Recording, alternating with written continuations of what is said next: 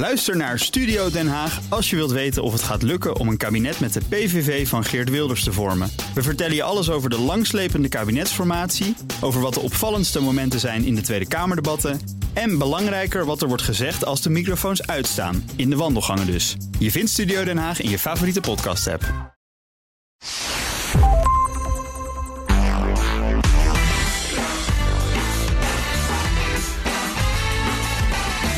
Welkom bij de Ben Tichelaar podcast bij BNR, de podcast over persoonlijk leiderschap.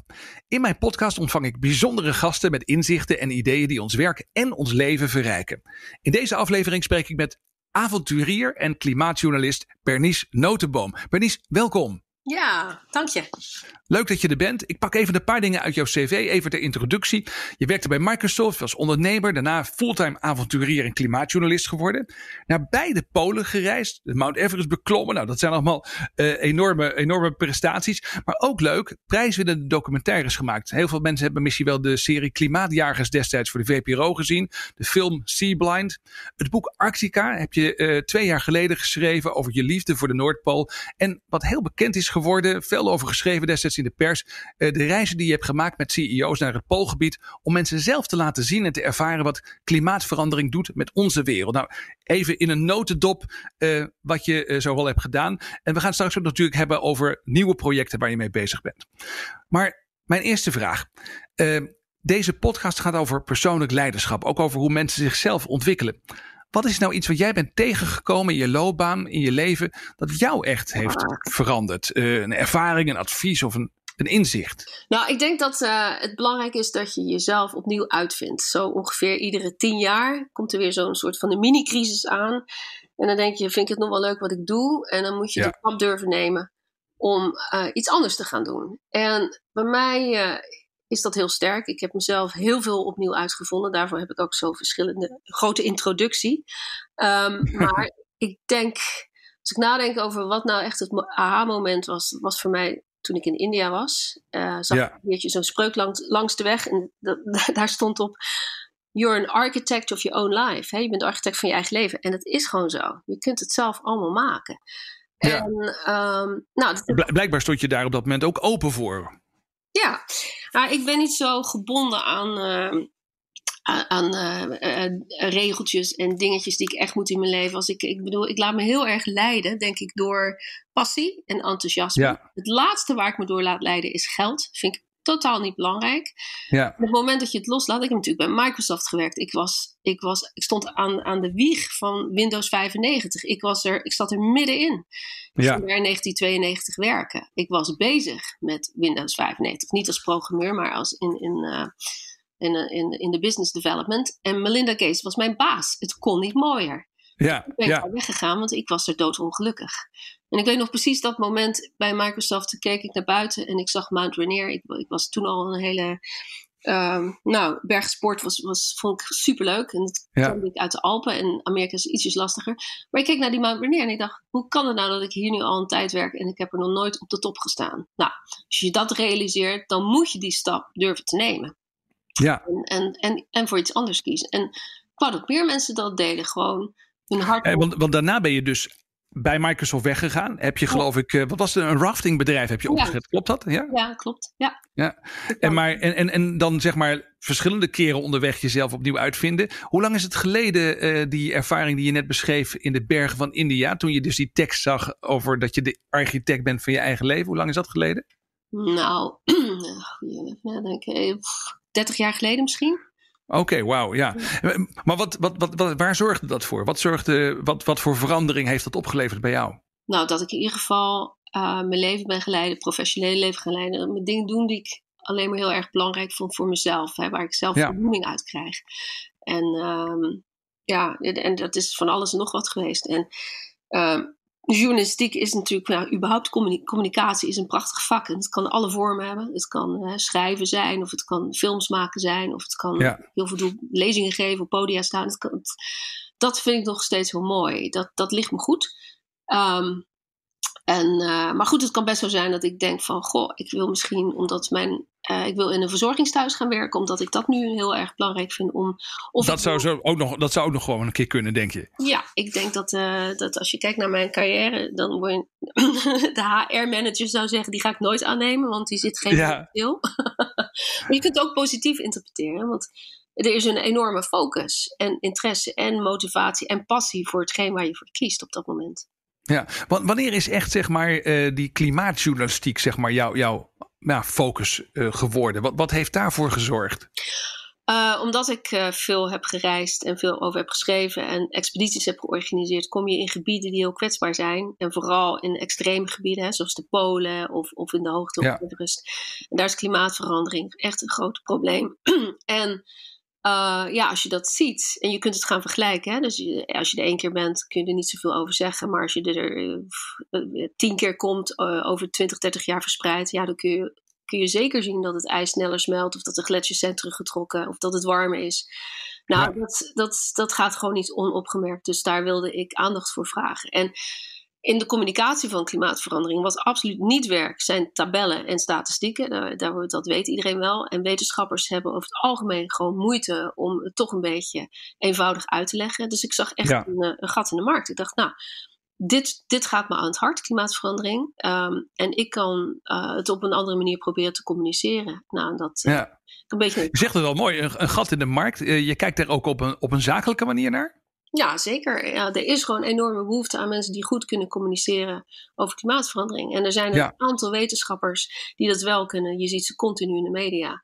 Maar de rest uh, wil het niet of wil geen. Uh, ja, die, die zijn bang uh, dat, het, dat hun bevindingen uit, uit de bevoeging worden gehaald. Of ze, ja. ze willen echt gewoon zorgen. Nou, ze willen ook geen ondergang hebben voor, voor hun collega's. Dus waren er maar meer wetenschappers die het wel wilden, dan, had, waar, ja, dan was ik ook niet nodig geweest. Maar zolang dat ja, alles... Maar je, je, zag, je zag daar echt een loopbaan voor jezelf liggen. Je dacht, dit, dit is het werk wat ik moet gaan doen. Ja, niet in eerste instantie zo, maar ik, ik ging op expeditie. En ik, uh, ik, ik, was toen de tijd de eerste Nederlandse vrouw die naar de Zuidpool skiede. En ja, dan kom je terug en dan wil iedereen weten over, ja, over het echte expeditieleven. Hoe is het nou? Hoe ga je naar het toilet? Ja, ja. Dus dat allemaal interessant en belangrijk, maar veel, uh, ik vond het veel mooier en ja, urgenter om te vertellen over de problematiek met het klimaat op Antarctica. Ja. Je gebruikt eigenlijk de expeditie als een middel om een grotere boodschap uh, naar voren te brengen voor een groter publiek. Ja, ja.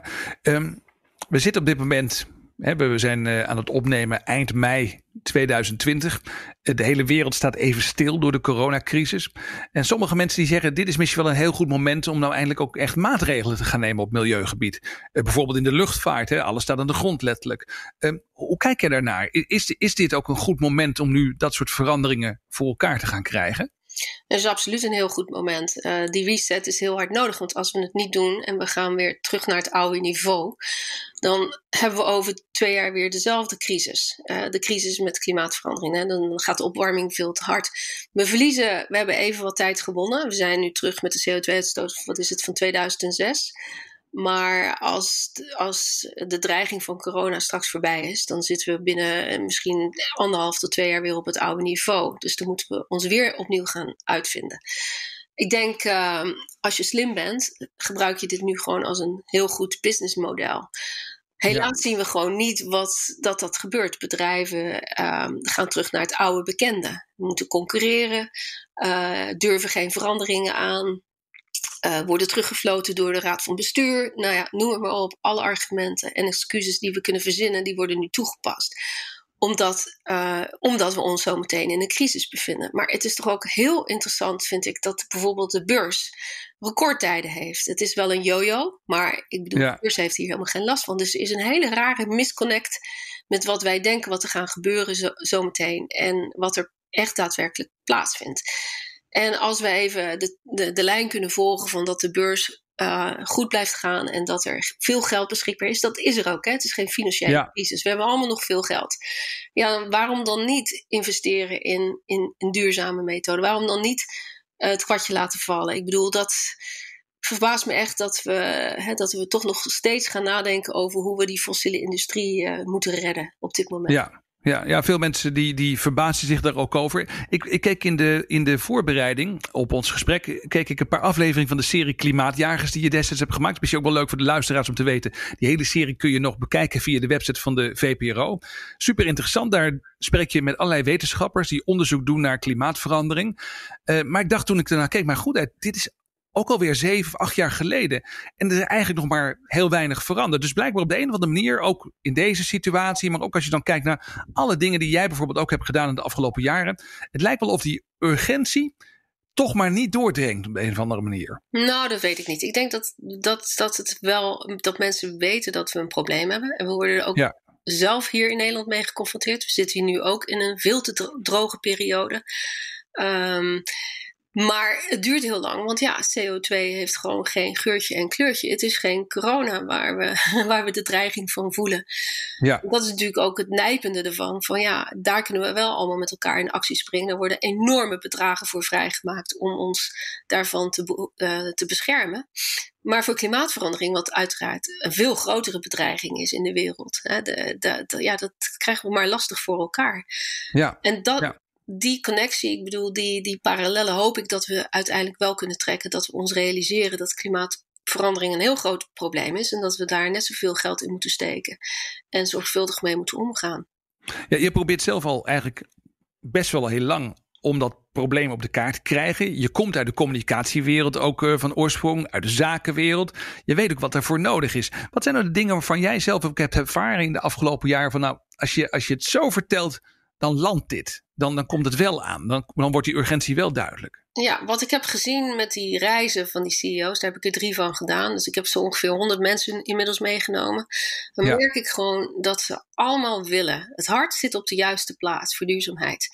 Alleen ze zitten zo vast in dat web, in dat stramien van, van hoe met regeltjes. En eh, het begint natuurlijk bij de raad van bestuur en de raad van commissarissen. Die zijn gekozen, die bepalen welke CEO er op een bepaalde plek komt. Ja, die zit ook weer vast met, met, met uh, return on investment. Nou ja, noem al die termen maar op.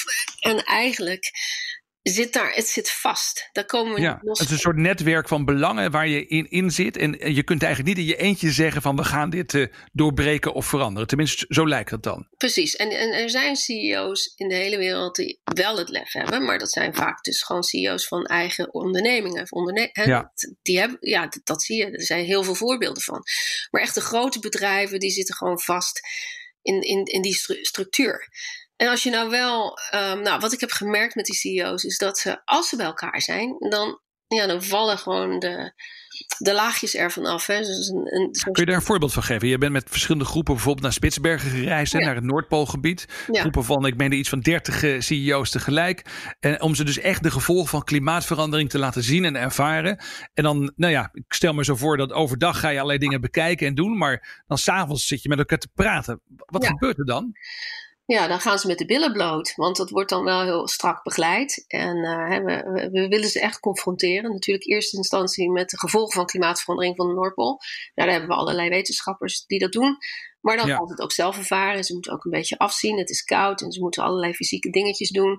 En zo komen ze helemaal weer uh, nou, uitgeput op de boot terug. En dan, uh, ja, dan gaan we dat evalueren. Wat heb je nou gezien en gedaan? En dan merk je heel snel dus dat die gedeelde ervaring um, zorgt er ook voor dat ze dus het doortrekken naar hun eigen organisatie. Ja. En dan, hè, want het, uh, dat weten ze zelf ook wel, dat zij iedereen moet uh, op een gegeven moment gewoon duurzaam worden. Dat is, uh, en, en vooral de, de, de grote industrieën waar, de, waar het niet zo duidelijk is of waar de belangen heel groot zijn om het niet te doen, die moeten ook. Nou, wat wij gemerkt hebben is dus als er een paar zijn die wel durven, hè, die, die, die, die zeg maar een beetje vooruitstrevend leiderschap tonen in, in deze duurzaamheidskwestie, die dan uh, het, echt ook het voortouw nemen en zeggen van ja voorstellen doen van nou zo en zo en zo kunnen we doen. En dan zie je heel snel dat, dat er ongelooflijke samenwerking, samenwerkingen kunnen ontstaan tussen deze leiders. Die, uh, ja, waar ze in eerste instantie nog niet aan gedacht hadden, omdat ze altijd concurrenten van elkaar waren. Dan heb ik het over de banken die ineens dingen met elkaar verzinnen. En we hebben de laatste reis de Spitsbergen-ambitie ondertekend. Nou, dat was gewoon niet voor te stellen dat 30 uh, eh, instellingen, banken, verzekeraars, pensioenfondsen, allemaal daarmee komen. Dat ze dus gewoon transparant gaan worden over hun eigen CO2-uitstoot. En dat rapporteren. Nou, dat is echt een overwinning. En dat krijg je eigenlijk alleen maar op zo'n bootje voor elkaar. Dan ben je weg van de wifi, weg van, van het geheim van de raad van bestuur, weg van, van secretaresses. En dan, ja, dan, dan, dan ben je er open voor. En, ja, je moet, je moet weg uit die wereld van dagelijkse prikkels die eigenlijk allemaal in die verkeerde richting leiden, zou je kunnen zeggen. En even echt in een andere omgeving, maar wel met gelijkgestemde echt ervaren wat die gevolgen van klimaatverandering zijn. Ja, je moet weg van de reputatieschade. Je moet weg van, zullen we, moet ik dat niet eerst even checken met de communicatieafdeling? Nou ja, je kan het allemaal invullen. Het, is allemaal, het gaat allemaal over terughoudendheid en niet durven. En dus uh, ik gebruik heel vaak de metafoor van Shackleton. Hè, dat was zo'n zo'n poolreiziger. Ja. Uh, nou, die, die, die durfde... Was dat nou de eerste die naar de Zuidpool ging? Um, uh, nee. Nee. Oh, oké, sorry. Ja, het was, het was een poolreiziger. Goed, ja. Nee, maar een expeditie die helemaal fout is gelopen. Waar oh, dat verhaal, ja. ja wel eens gelezen, ja. Zitten en, en, maar ze hebben het allemaal overleefd. Dus dat is natuurlijk een veel mooier verhaal. En, en zijn leiderschapstijl wordt heel vaak aangekaart. En dat doe ik stiekem ook, want het is zo prachtig hoe hij het allemaal heeft gedaan. Hoe de troep bij elkaar kan houden. En um, dus uh, ja, dat, dat, dat, doe ik dan ook met die CEO's. En denk ik van ja, kijk, eigenlijk is duurzaamheid ook zo'n reis. Hè? Ik bedoel, het is dan wel niet de Zuidpool, maar het is ook het onbekende. We weten niet waar we uitkomen, we weten dat we moeten doen. En we moeten allemaal mee. De neus moet dezelfde kant op staan. Dus ik ik, ik heb dan allemaal van die, uh, van die trucjes om, om het eigenlijk een beetje eh, te kunnen vergelijken alsof het zelf niet, uh, dat het niet om mezelf gaat. Maar dan toch stiekem wel uh, ervan doordrongen zijn dat het, ja, dat het moet en met elkaar. En dat ja, is, is, daar, is die ervaring die je daar zelf in opgedaan hebt, die is nodig denk ik om hun te overtuigen? Nou ja, ik ben wel een ervaringsdeskundige op dit gebied. Ja. En, en mensen nemen het wel van me aan, omdat zij weten ook dat ik dit soort expedities doe. En ik heb zelf ook met leiderschap te maken. Ik heb een team. Ik, uh, iedere keer als ik expeditie ga die heel veel geld kosten en met heel veel verwachtingen, moet ik ook gewoon zorgen dat mijn team goed uh, dat die meegaat, dat er, dat er niks gebeurt. Ja, noem maar op, alle dingen die je, die je hebt om als je een bedrijf begint, daar heb ik ook mee te maken. Ja. Dus die parallellen gaan, uh, gaan heel makkelijk heen en weer. Ja, ik snap het. Ja. Ja. Je bent nu al een paar jaar ook aan het werk met een nieuwe film. Um, je zou kunnen zeggen, de, de opvolger van Sea Blind. Dat ging dan over de vuilende containervaart over de wereld. Je nieuwe film heet Sky Gods. Uh, over het probleem van de luchtvaart. Uh, maar ik begrijp dat er op dit moment. Uh, ja, dat, dat het project zeg maar een beetje zo in de afronding is. Maar dat door de coronacrisis de film nog niet gelanceerd kan worden. Kan, kan, je er iets over vertellen? Waar, waar gaat die nieuwe film over? Wat kunnen we daarvan verwachten? Ja, nou ja, het vliegen wordt heel veel over geschreven in de media in de laatste maanden, de laatste jaren moet ik zeggen. En film gaat over uh, duurzame luchtvaart. Is het mogelijk? Uh, hoe, wat hebben we ervoor nodig en hoe gaan we dat doen? En, en ja. luchtvaart is, is, dat zegt iedereen, het is maar 3% van de totale CO2-uitstoot. Maar we verwachten ook dat er 50% meer mensen gaan vliegen in de wereld. Ja, precies. Want het idee, zeg maar, we, we gaan minder vliegen of we stoppen met vliegen, dat, daar, daarvan zeg jij dat is eigenlijk een illusie. Nou, dat weet ik niet. Ik weet niet wat we hier, wat we hier uh, van gaan leren met de coronacrisis. Maar in ieder geval, voordat dit gebeurde, was dat, was dat gewoon de, de lijn waar we op zaten. Dat we naar 8, ja. 8 miljard mensen, passagiers gingen. En, uh, en dat betekent... 8 miljard vliegende uh, passagiers per jaar praat je dan over. Ja, ja, ja. bizar. Ja. waarschijnlijk 50% dezelfde mensen, maar inderdaad. En uh, ja, nou, als je dan kijkt naar de CO2-uitstoot, die gaat dan van, van 3% ineens naar, uh, wat was het, 20%. En dan is het heel erg veel.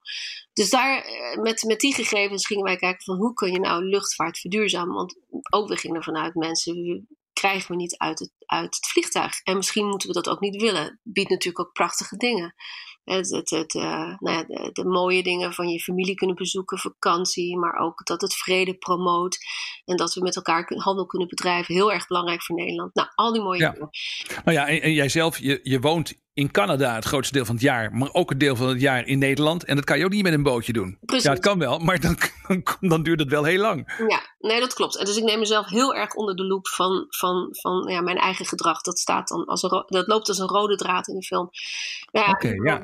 net voor corona hadden we ook het idee, ook met het woord vliegschaamte. En we hebben echt overal op de wereld gefilmd wat de oplossingen waren. Nou, was, daar zat echt beweging in. Dat gingen we doen. En nou ja, nu heeft corona het voor ons opgelost. Want een van de vragen die wij stelden in de film is: wat nou als je niet meer kan vliegen? Nou, daar hebben we mee te maken. En nu kijken we dus naar een film van voor en na corona. En hoe staan we er nu tegenover? Nou, dus je hebt eigenlijk het idee ook nog weer moeten aanpassen. De film ben je nu op dit moment, uh, uh, terwijl we spreken, ongeveer ook nog aan het, uh, aan het opnieuw bewerken of zo. Ja, we moeten terug naar een aantal mensen die we al geïnterviewd hebben. en vragen hoe ze er nu over nadenken. En ja. ja, het is allemaal heel spannend. De, ik, ik, denk, ieder land is ook anders. Je ziet al heel erg veel vliegbewegingen in de Verenigde Staten. Ik geloof ja. 3 miljoen. Um, dus ja, dat is uh, totaal anders dan hier. Hier ligt gewoon 98% stil. Maar als zo ja, ik spreek nog steeds mensen inderdaad ook vanuit de VS, ook in deze tijd nog, die er trots op zijn over uh, op hoeveel ze vliegen. En, en dat, dat kan je eigenlijk in Nederland kan je daar niet meer mee aankomen. Nee. Maar wij hebben natuurlijk een prachtig uh, systeem van treinen en bussen en andere, Precies, andere Dat heb je in Amerika niet. Maar dat klopt. En dan zou je zeggen, juist in Amerika moet je ervoor zorgen dat die luchtvaart duurzaam gaat worden. Maar ook daar zie je dus dat de luchtvaartmaatschappijen nu aan het overleven zijn en alle duurzaamheid. Uh, beloftes eh, in de ijskast hebben gezet. Dus dat, dat, ja, dat gaat niet werken. Maar, wat, wat, wat, is het, wat is het nieuwe plan nu met de film? Wanneer gaat die verschijnen? Nou, de film was, uh, is wordt gemaakt voor de COP26 in Glasgow. Hè, de grote nieuwe COP na Parijs. Die dit, dit jaar zou gaan plaatsvinden. Ja. Um, waar wij uh, ja, de implementatie zouden gaan doen van ons Parijsakkoord. Het is een jaar verschoven. Um, we hopen dat we de film um, uh, kan draaien op het Wereld Economisch Forum in Davos in januari. Oké, ja. januari 21 praten we dan over, ja. En dan, um, maar goed, uh, hij zal het loop van het jaar wel ergens klaar zijn. Wij zitten natuurlijk zelf ook vast. Wij moeten nog heel veel dingen filmen, maar we kunnen niet naar Engeland, we kunnen nog niet naar Frankrijk. Dus wij wachten tot, tot we wel weer kunnen reizen. En dan nog is het de vraag of mensen hier willen ontvangen, want niet iedereen zit er hetzelfde in. Ja, dus, uh, ja. Hoe dan ook, het is bij ons ook uitgesteld, maar het maakt de film wel interessant. Want we hebben echt kunnen filmen van de periode voordat het allemaal gebeurde. En iedereen heel erg verwachtingsvol en nou, had, had uh, heel veel energie om de luchtvaart te verduurzamen naar nu. En ja, het nieuwe normaal wat iedereen, waar iedereen het over heeft. is ook voor luchtvaart van toepassing.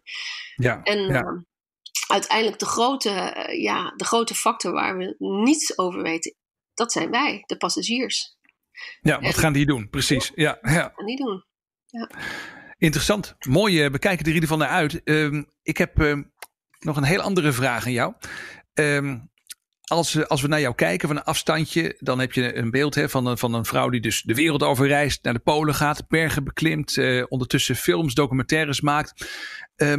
Wat is nou iets wat, wat we zeg maar in dat beeld van jou hebben, of misschien wel in het beeld van dingen waar je mee bezig bent, van je zegt, maar dat klopt eigenlijk helemaal niet. Dat is echt een soort mythe uh, die, die er is over het soort werk wat ik doe, of misschien wel op, op klimaatgebied. Wat is nou een hardnekkige mythe in jouw wereld?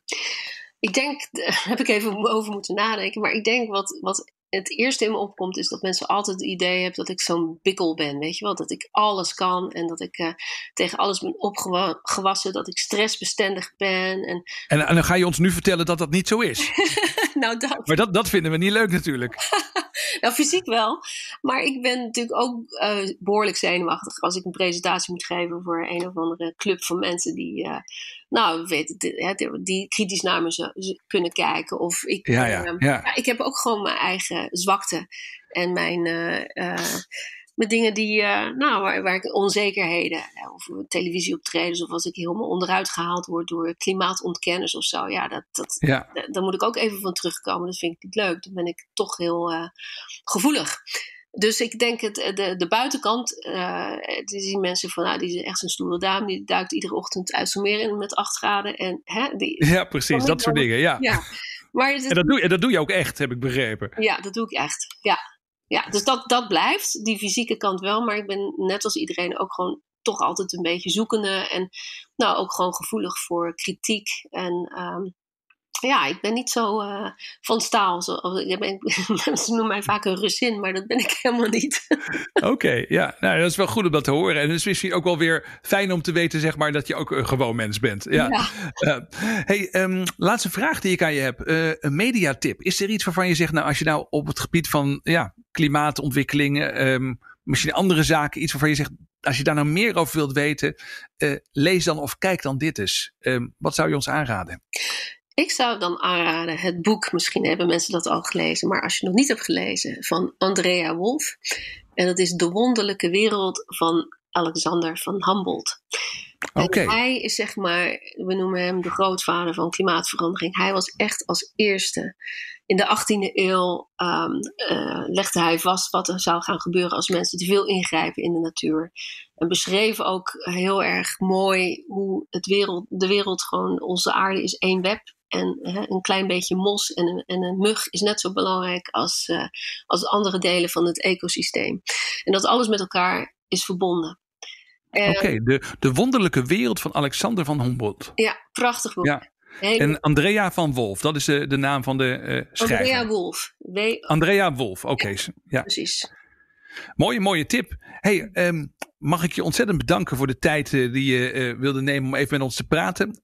erg fijn dat je je inzichten en ideeën met ons wilde delen. Nou, graag gedaan. Dit was de Ben Tichelaar podcast bij BNR met als gast deze keer Benny Notenboom. Vond je dit interessant? Check dan ook mijn andere podcasts via BNR of je favoriete podcast app.